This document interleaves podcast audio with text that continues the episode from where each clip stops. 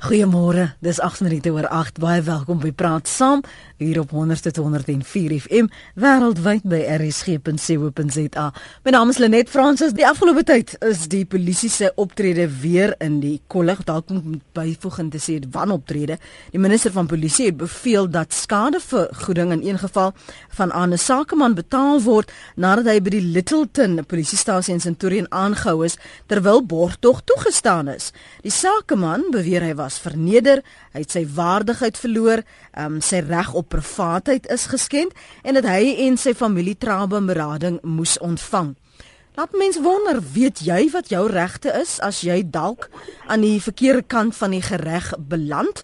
Kom ons hoor wat sê ons gas vanoggend, hy's Marius de Toey van de Toey Prokureurs. Môre Marius, welkom weer in Sibef praat saam. Môre net, dankie dat jy my weer genooi het. Ons hoor dikwels dat mense word byvoorbeeld by padblokkades gearresteer uh, as hulle nie hulle byvoorbeeld lisensie kan kan toon nie terwyl daar genoeg ruimte gelaat is binne die wet dat jy term tog tyd het om dit te gaan kry en bewys te lewer. En en dis baie vaag en baie mense verstaan nie uh, wat wetgewing sê rondom arrestasie byvoorbeeld nie. Vertel vir ons en verduidelik wat sê dit rondom wanneer kan jy gearresteer word onder watter omstandighede? Uh, as jy jouself byvoorbeeld verset en sê nee maar um, dis dis nie gronde nie of ek wil met 'n prokureur praat soos op ons televisie sien. Onder watter omstandighede is dit geldig en wettig? Ek dink jy moet eers verstaan net dat die polisie geregtig is om jou te arresteer vir enige misdrijf wat in hulle teenwoordigheid gepleeg word indien die misdrijf nie in die polisie se teenwoordigheid gepleeg is nie, maar die polisieman het rede om te glo dat jy 'n byla 1 misdrijf. Dis 'n byla 1 misdrywe is woordverkrachting, aanranding met die opset ernstig te beseer, diefstal en dis meer. Want die polisie rede het om te glo dat jy so misdrijf gepleeg het, mag jy jou arresteer. Maar ons moet onderskei tussen die reg om te arresteer en die reg om aan te hou en dan die reg wat jy het om aan te doen verborg. Alhoewel die polisie die reg het om jou miskien vir 'n verkeersoortreding wat in sy teenwoordigheid gepleeg is te arresteer, het jy nie noodwendig die reg om jou onbepaald aan te hou nie. Ek meen jy het die reg om onmiddellik verborg aansoek te doen en die polisie behoort jou dadelik vry te laat op 'n waarskuwing of iets van die aard indien jy vir 'n minder ernstige misdrijf gearresteer word. Sou dit egter gebeur dat jy geen misdrijf gepleeg het nie, nou arresteer die polisiebeampte jou.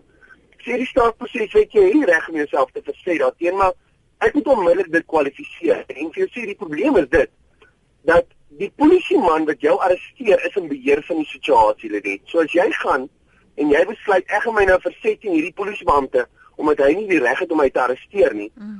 Onmiddellik wat jy doen is jy maak jou situasie 10 keer erger.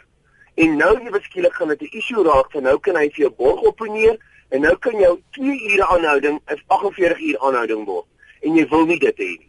So jy moet maar nog net 'n lam ter slagting wees. Maar ek dink jy moet 'n lam ter slagting wees. Ek dink net mense moet baie versigtig wees. Mense moet verstaan wie is in beheer van die situasie. Ek sê altyd vir my kliënte, weet jy, as ek by 'n polisiestasie kom en die familie het op daai stadium al wat 'n polisieman is omtrent aan die strot gegryp en hulle vertel hoe sleg hulle is, jy dan maak hulle ons werk as prokureurs 10 keer moeiliker want daai polisieman is dan so in verset teen daai individu dat hulle definitief nie lus het om vir daai persoon eers borg te gee nie.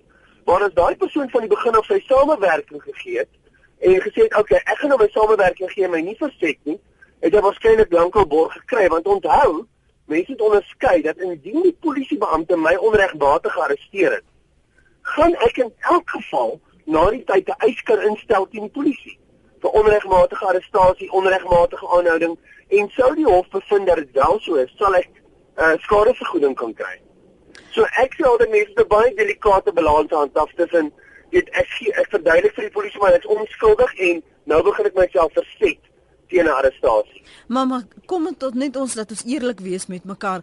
Ons het ook al gesien en gehoor en sommige dalk alself in so 'n situasie waar sekere polisiemanne 'n houding het en um die feit dat hulle die wet is in aanhalingstekens dit misbruik en ons probeer intimideer. En al wat jy wil doen is jy wil 'n spreekbeurt hê waar jy sê maar nou verduidelik vir my laat ek dit verstaan. En dan wil jy saamgaan maar hierdie ding van ek is hierdie baas en ek sal nou vir jou sê jy gaan nou so maak. Geen wonder daar's mense wat hulle wil verset nie.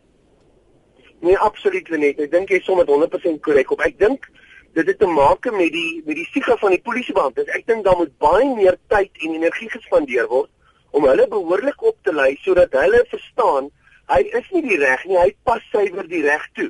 Jy weet ek dink as ek kyk na die vergrype wat ek sien uh, van polisie se kant af, jy weet, ehm um, ek praat hier ek ek het 'n geval by my waar 'n persoon ges, gestaan en braai het in die agtermiddag en hy hoor hier's 'n groot gemors in die gang in die pad en hy sien dis 'n polisiebeampte en hy plaas sy paniekknopie kyk oor die muur en die polisiebeampte dink hy's besig om hom af te neem met die selfoon en nou arresteer hy hom omdat hy inmeng met sy verpligting. Jy weet, so die polisie, daar's definitief ernstige vergrype van hulle kant af. Maar ek dink net by die van die publieke kant af moet mens besef jy het remedies beskikbaar en ek dink net mense moet wat jy ook al doen met baie omsigtigheid benader want jy is nie in beheer van die situasie nie. Mm -hmm. Goed, ons kan nou nou terugkom na van die punte wat jy reeds geopper het. Kom ons gaan eers na die lyne toe as jy saam wil praat. Ons vra vanoggend en ons gesels oor wat is hierdie remedies? Ons praat oor jou regte as jy sonder jou wete soms nê nee, aan die verkeerde kant van die gereg eh, beland en as hulle jou dreig om nou vir jou in hegtenis te neem of jy weet um, of dit kosher is of dit uh, oukei okay is of dit binne die wetgewing is of dit geldig is en as jy onseker is wat jou te doen staan sonder om nou die man te wil loop pot of in 'n argument betrokke te wil raak. 0891104553 ons praat met Marius de Toey hy's 'n prokureur van de Toey prokureurs. Dankie vir die bel vanoggend gaan ons na Helene heel eerstens Helene praat gerus Goeiemôre, dis Helene Kotse van Hartenbos. Ek wil graag vertel van 'n nare insident wat ek in Rustenburg gehad het so 4 jaar gelede. Was betrokke in 'n motorbotsing waar die ander party stormdronk was.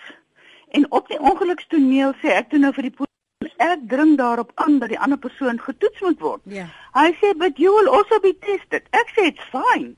He says, "But you might end up in jail for a night." Ek sê, "It's fine." Mm. En so bel ek twee prokureurs wat toe nou na die ongelukstoneel toe kom om lank storie om 'n lang storie kort te maak.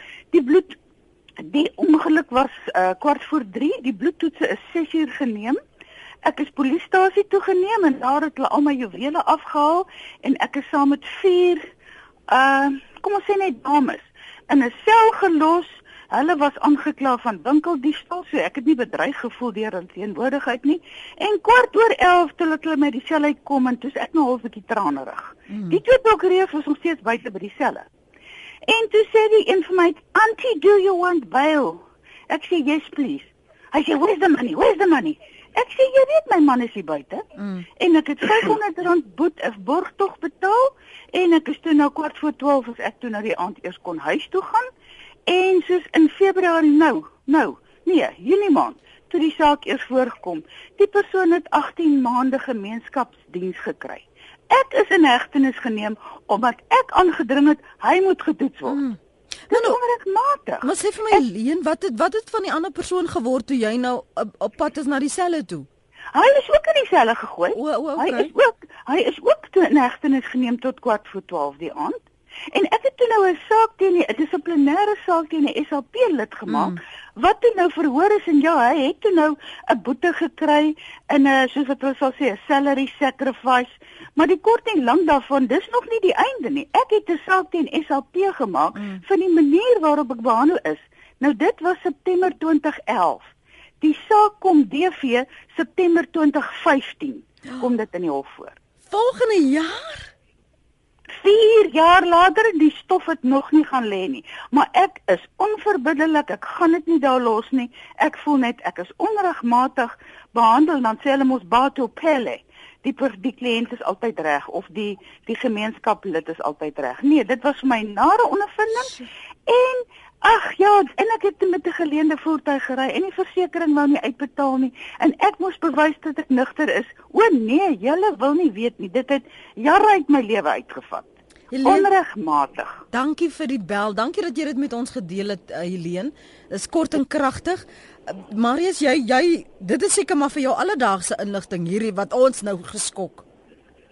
Ja, net ek meen dit is 'n verfieke hartseer storie om te hoor hoe iemand uh, in so 'n situasie hanteer word. Want ek meen as jy nugter is, weet jy die polisie geen reg om jou bloed te trek nie. Ek meen hulle kan slegs jou bloed trek as daar duidelike tekens is dat jy onder die invloed die voertuig bestuur het. Trouwens, As die polisiebeampte jou verplig om jou bloed te trek terwyl jy nugter is, is hy eintlik besig om jou aan te rand.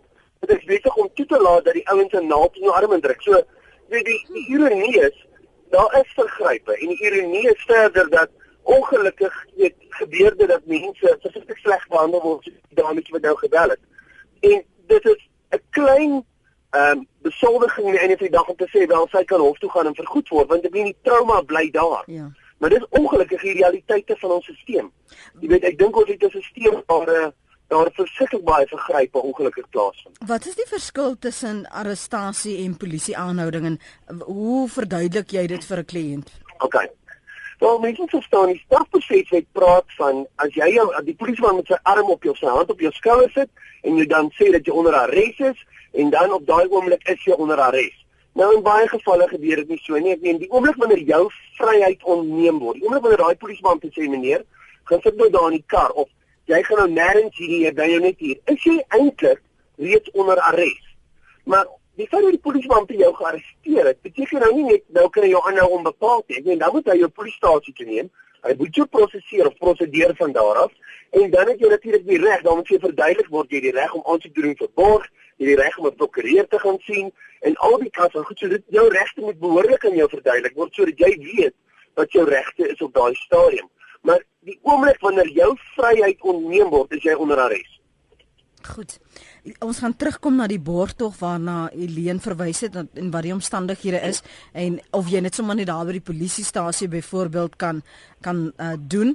Kom ons hoor eers wat sê Raymond. Raymond is in Johannesburg.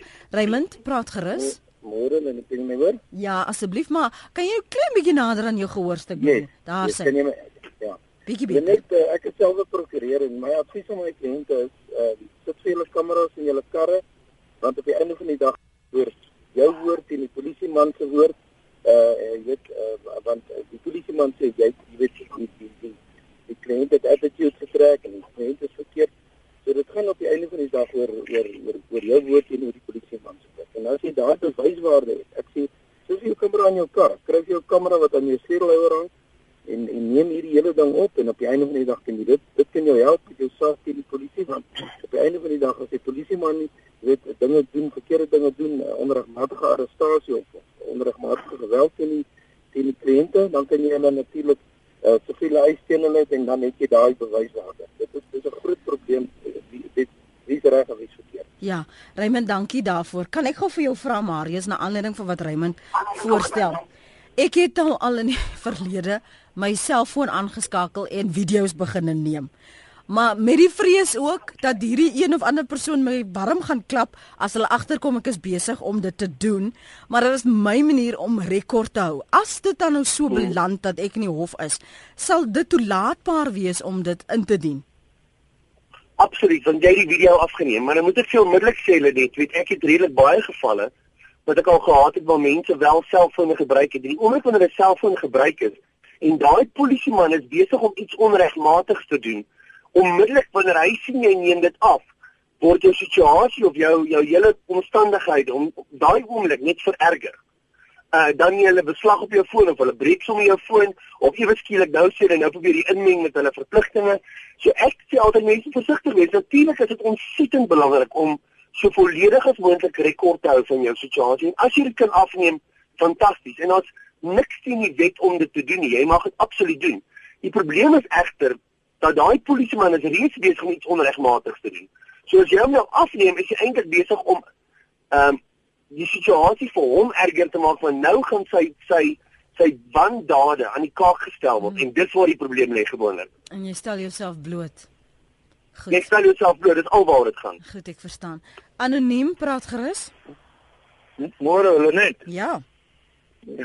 Jong ek ek eh, wil anoniem bly jy soms dat dit ek nog steeds identifiseerbaar sou wees uit die uit die omstandighede. Dit kom daarop neer dat so paar jaar gelede was ek betrokke by 'n voorval waar ek 'n paar manne se honde geskiet het wat op my plaas was. Um, en die die voorval het verbygegaan. 3 jaar later word ek aangekla dat ek op mense geskiet het. 'n Polisieman het dit gevind ons uit daar was twee polisiemanne betrokke. Mm -hmm. En hulle kla my toe aan dat ek op wat nie waar is nie. Ten spyte van wat mense sê ek was vir die voorval, ek weet wat het gebeur. Dit is nie totaal waar nie, maar het genoeg getuienis in die hof kom lewer sodat 'n landros my skuld en ek is ek is tronk toe daaroor en dit is totaal dit was 'n heeltemal opgemaakte lieg storie geweest. Ons was op die einde in die Hooggeregs sowel onskuldig gevind. Maar dit het my tyd in die tronk gekos. En dit was die polisman wat dit gedoen het. Hoe lank was jy toe in die tronk? 6 weke, amper 2 maande. En op watter um, klag het jy toe nou het hulle vir jou skuldig bevind? O, onregmatige ehm um, in gevaar stel van menselewens en saakbeskandiging. Saak want dan het ek die honde geskiet. Ehm um, en uh, ek was ek was 3 uh, jaar vonnis gekry, 3 jaar in die tronk. Mm. OK, ons is op eintlik in die hooggeregs of onskuldig of my nie idee wat se traumatiese ondervinding en dit was twee polismanne gewees.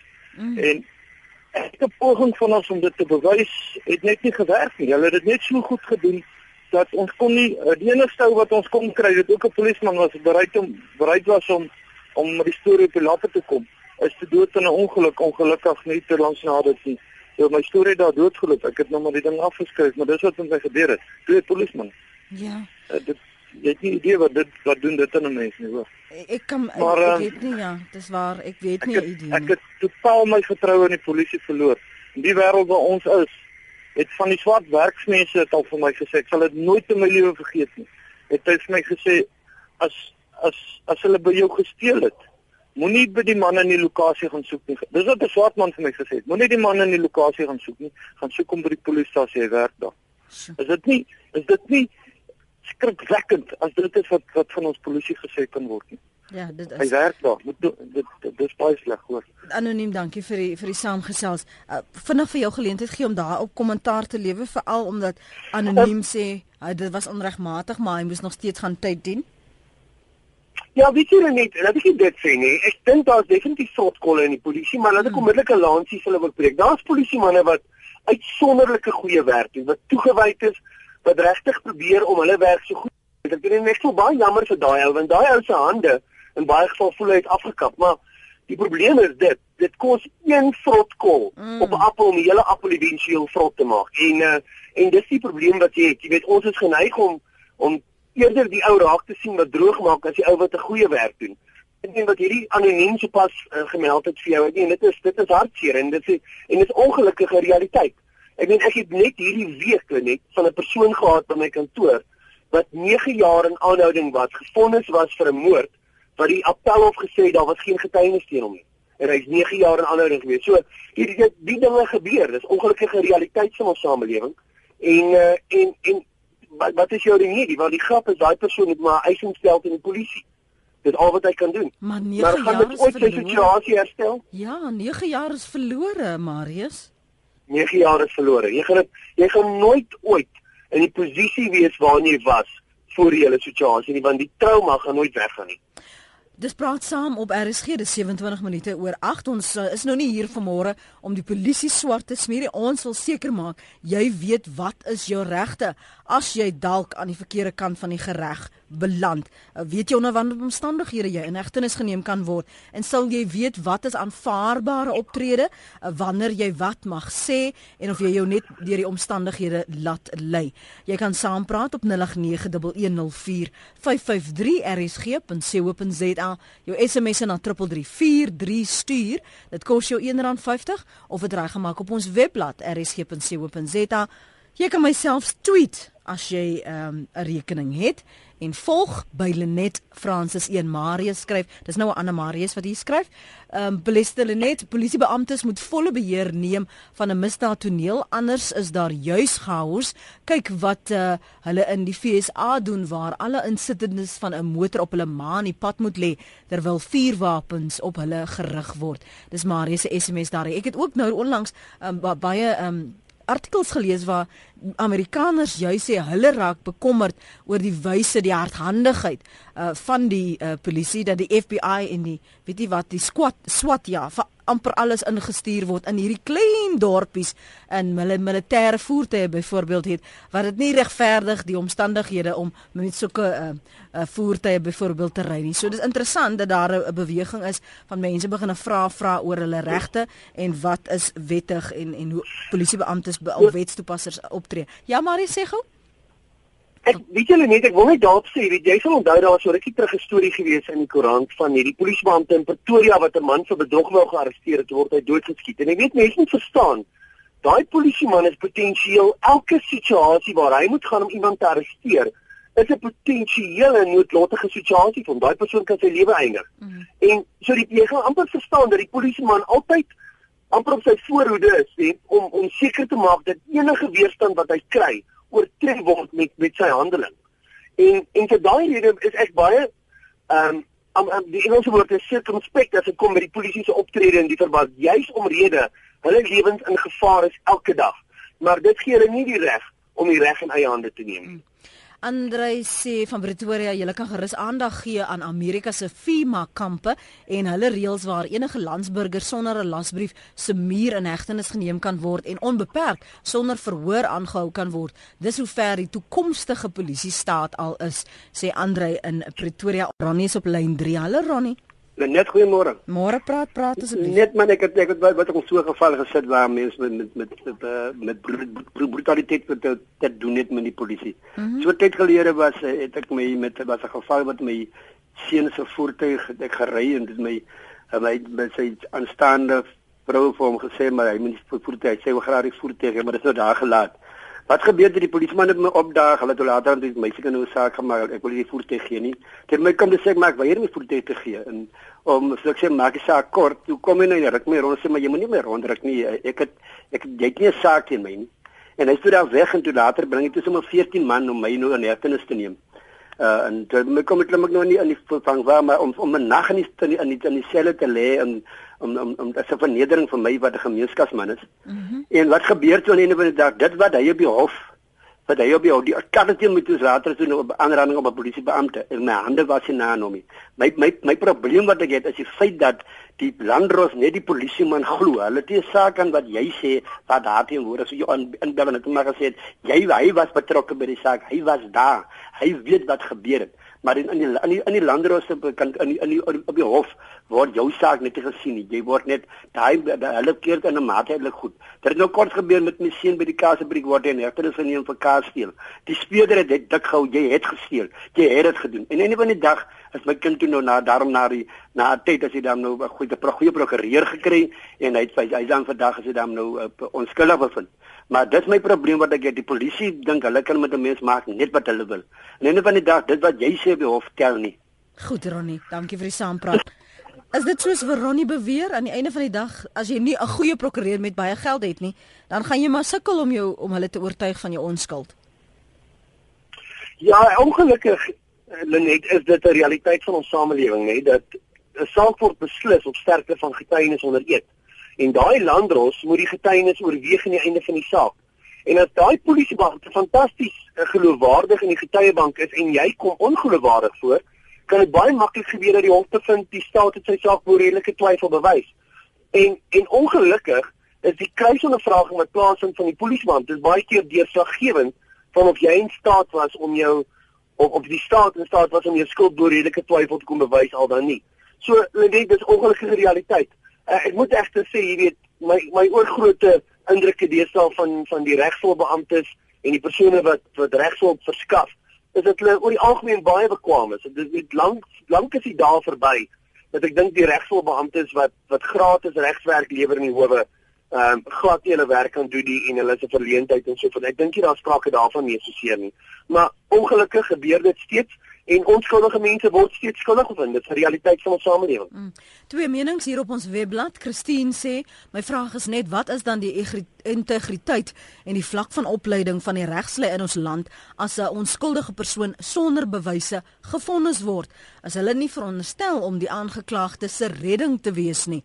En dan skryf Wynand, hoekom is dit dat sodra die polisie met mag en mening opdaag of dan die weermag ook, dan skielik 'n probleem is? Hoe moet beheer oor die situasie dan andersins uh, gehandhaaf word? Nee, met drie uitroeptekens. Ek sê stop enige onlus situasie met mag in hoofletters dadelik drie uitroeptekens. Dis van die menings op ons webblad. Uh voor ons te gaan na die tweets toe, kom ons hoor wat het anoniem op die hart in die Kaap.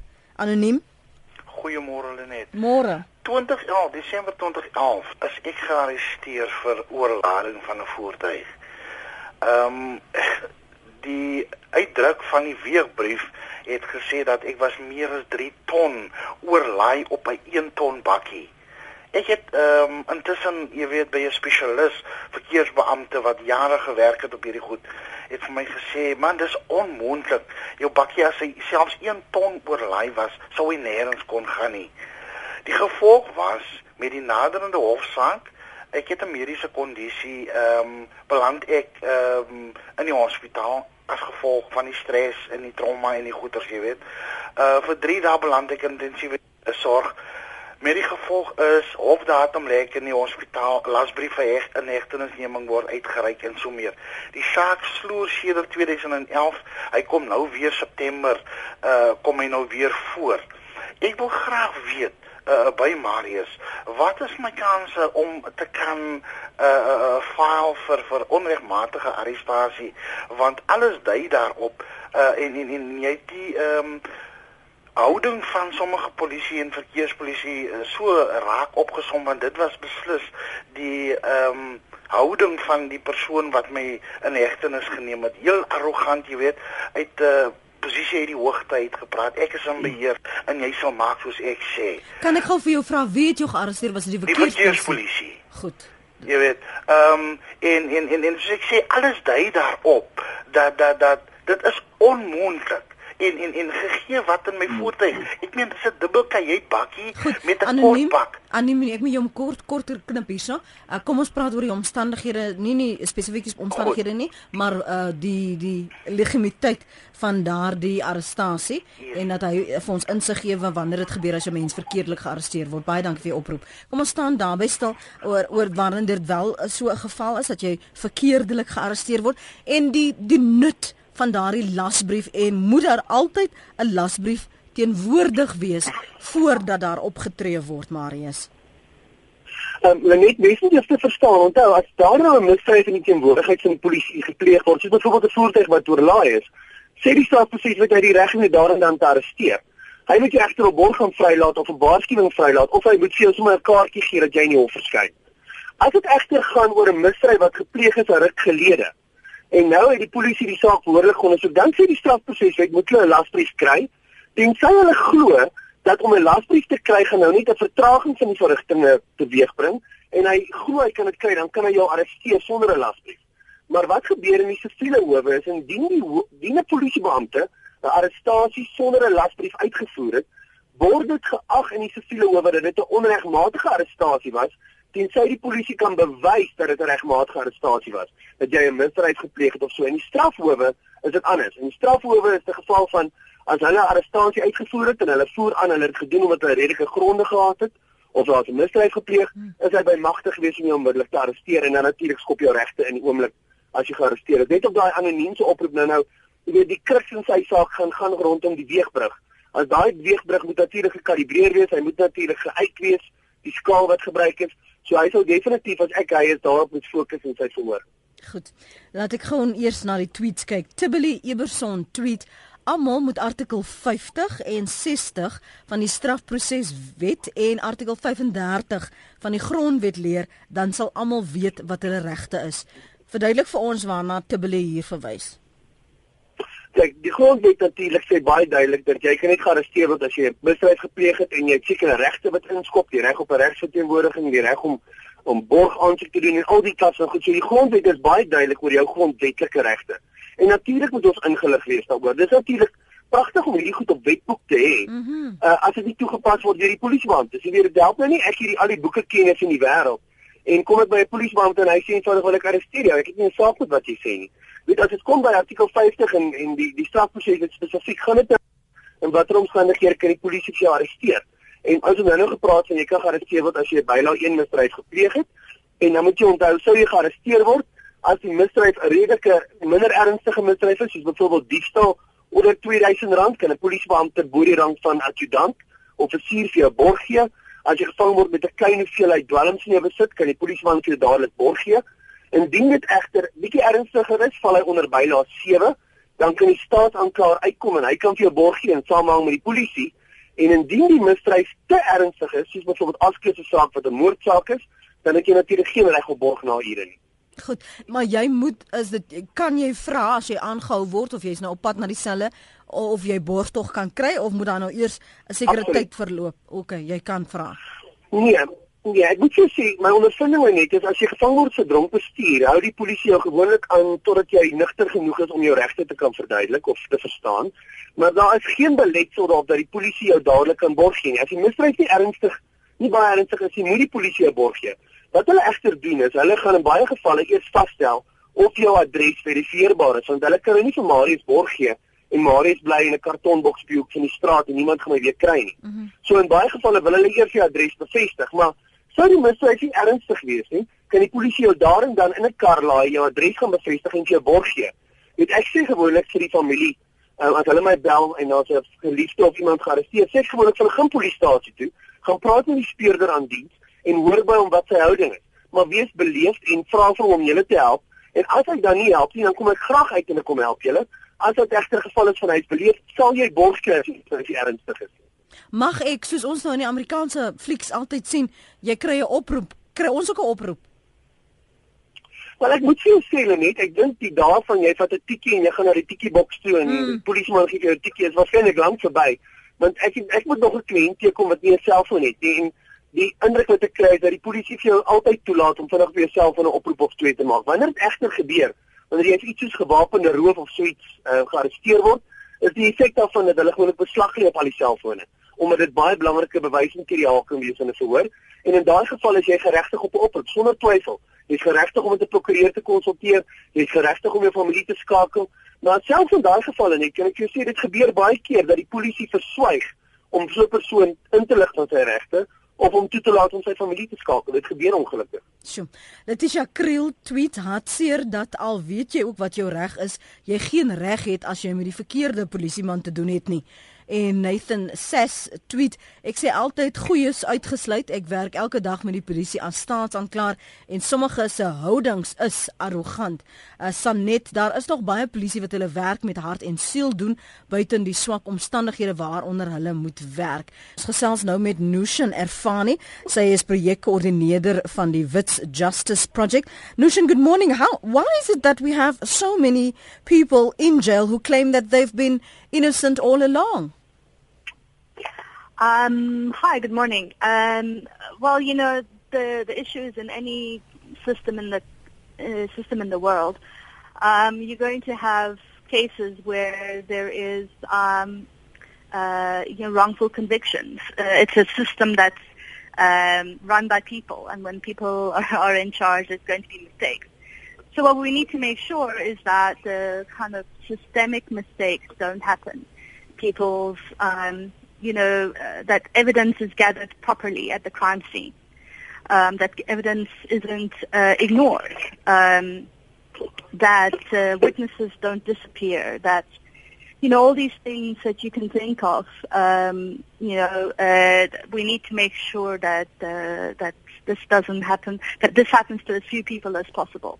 Um, because that's justice means that uh, we find the people responsible um, and and and uh, the, you know we need to make sure that they receive a proportionate kind of um, uh, sentence.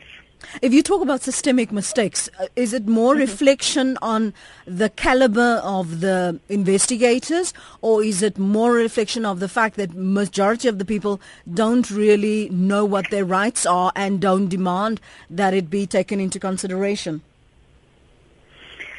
That's a very good question, and I think it's a combination. Um, uh, you know, there is there are issues, the systemic issues within the within the policing system, within the court systems, uh, and obviously within the prisons as well. Um, but we have seen and found that a lot of people don't really know what what your rights are when you get arrested. Are they supposed to have a warrant with them when they arrest you, or can they just arrest you? People don't know that. We know more about the U.S. system of the Miranda rights because we watch TV. But what do we know about what our own rights are? Um, mm. And so this is uh, this is part of the work that the Vits Justice Project does is is to um, is to put out educational information um, in as many languages as possible. Um, so that people have that kind of access to that information. And the, the other issue around, you know, kind of convictions is that it's it's it's the, there's a couple of things. One okay, is just just hold on to that, Irfan, um, Nushan. Just hold on for a Sure, second. yeah. Mm-hmm. Um, we'll talk about the convictions in a moment and also why people are there. Um, I just quickly want our other guest to summarize because he has to be in court in uh, just under a minute. Uh, Marius, net van Sure. jou kant, as jy net kan opsommerderwys sê van uh, waarom dit belangrik is om te weet wat jou regte is en hoe jy jouself dan kan beskerm onder sommige uh, onder sulke omstandighede. Ek ek dink die belangrikste vir my altyd net is dat enige persoon wat gearresteer is, moet weet hy het die reg om alles te doen en verborg. Hy het die reg om met 'n prokureur te kommunikeer, maar dis ontsettend belangrik dat wanneer jy gearresteer is om uh, gearresteer word om nederig te wees, om jou samewerking te gee, om nie noodwendig te kyk of jy die polisieman kan antagoneer op daai oomblik nie, maar ek sou dan as as 'n minder ernstige misdrijf is, verstaan jy gaan borg kry. As 'n dronk bestuur, winkeldiefstal, dit sit van klein hoeveelheid dwelms, is die kans is bitterlik goed dat hulle vir jou borg sal gee. As jy net bereid is om bietjie te wag en onthou, sou dit 'n onregmatige arrestasie wees, jy het altyd aan die einde van die dag 'n remedie dat jy 'n eis kan instel teen die minister van polisie en moet dit nie vergeet nie. Moet dit uit die oog uit verloor nie. Jy gaan jou dag in die hof hê. Jy sal suksesvol wees as daar nie getuienis is nie. Uh maar in dieselfde asem wat betref die aanvanklike arrestasie, sê ek altyd vir my kliënte gee samewerking so goed as moontlik. Vertel vir die polisieman dat jy onskuldig is, maar moet doen dit op so 'n manier wat eerbiedig en nederig is. Goed. Baie dankie vir jou tyd vanoggend en sterkte met jou dag in die hof Marius. Dankie Lenet. Mooi bly. Marius de Toey is van uh, de Toey prokureurs en hy het uh, die afgelope 45 minute of wat met ons saamgesels. Ons gesels verder met Nushan Erfani van uh, die Wits Justice Project. Jy het net nog uh, you refer to convictions. Um, just elaborate on that please. Well, I mean, um, we've we've seen figures that say that um, in 2012, that more than half the arrests made in the country were for crimes less serious than shoplifting.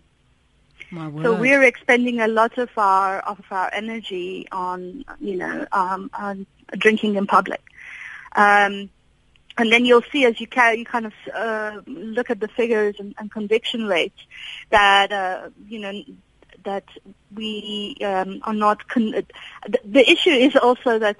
Uh, the conviction rates uh, shouldn't be something that we um, we uh, we look to for um, the, just the MPA, but also for the police because, um, you know, in terms of their um, success rates, because what happens is that they tend to um, arrest for numbers um, rather than to say, is this a good case that will finally get a conviction, and to build their case and build their case and make it strong enough so that it, it, it finally does get a conviction.